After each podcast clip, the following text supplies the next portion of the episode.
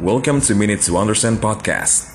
In this podcast, you'll find any kind of book summary, articles, and every stuff that can make you understand about anything randomly but worth to listen. So stay around, relax, take some minutes and get understand. So here it is.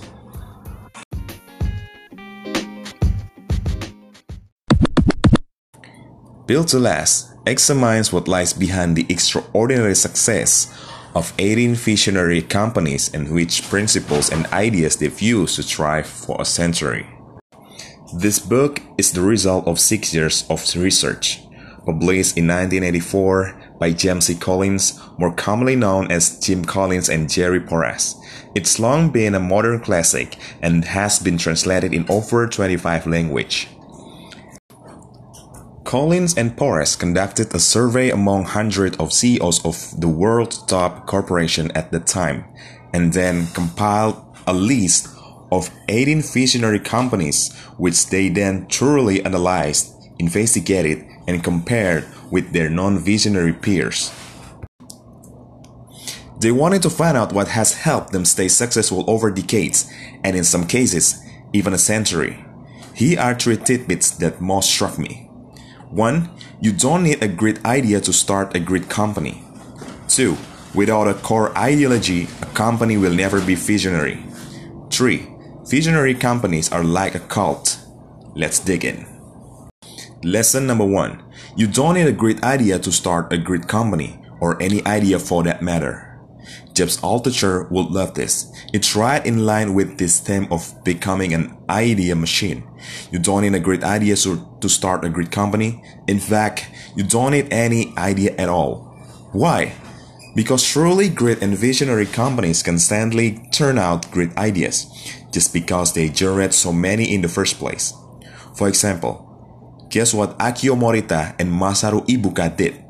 Right after founding Sony, he held a meeting to brainstorm business idea.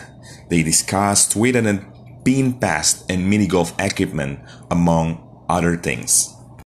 American Express started as an email business. Motorola with something very interesting and soon obsolete called battery eliminators, and even though Apple's computers were a great success, eventually they would create the most profitable product in history, a phone. The reason this company succeeded is that instead of focusing on one idea or one great leader, they focus on the process of coming up with ideas and producing leaders, either good or bad. Being restless and persistent matters much more than having that one in a million idea. Lesson number two Without a core ideology, your company can't be visionary. A core ideology consists of two things a higher purpose, and a set of core values. For example, Walmart's core ideology is to bring people retail products at the lowest prices with the greatest customer service.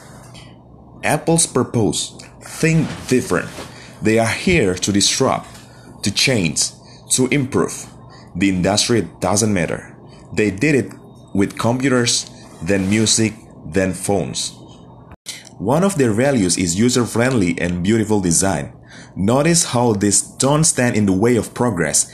Apple never stopped experimenting. Otherwise, they would never have moved from computers to music players. However, doing something different and making all their products look beautiful are universal principles which can always be applied. Your core ideology has to live through all products, employees, and times.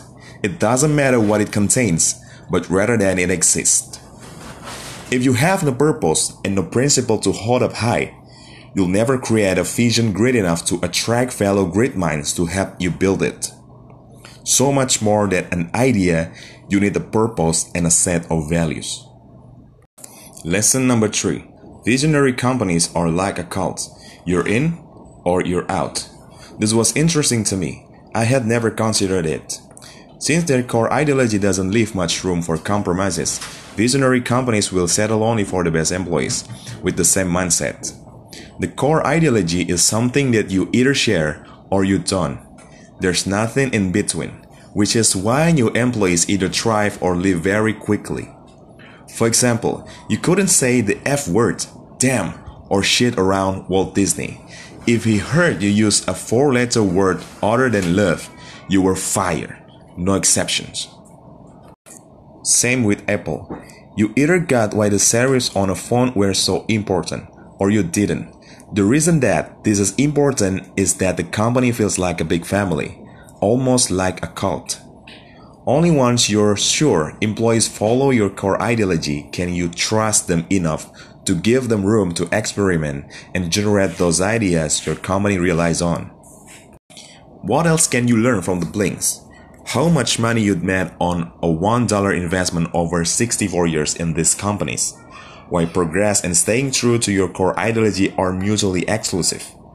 What a big, hairy, audacious goal is, and how Boeing always went bankrupt over theirs. How visionary companies manage to produce one great leader after the next. Where Google stole the idea of giving employees time to dabble in their own projects and why it's a crucial part of success. A few example of practical rules to make sure your core ideology is lived in daily operations. My name is Rizky Firmansyah. Thank you very much.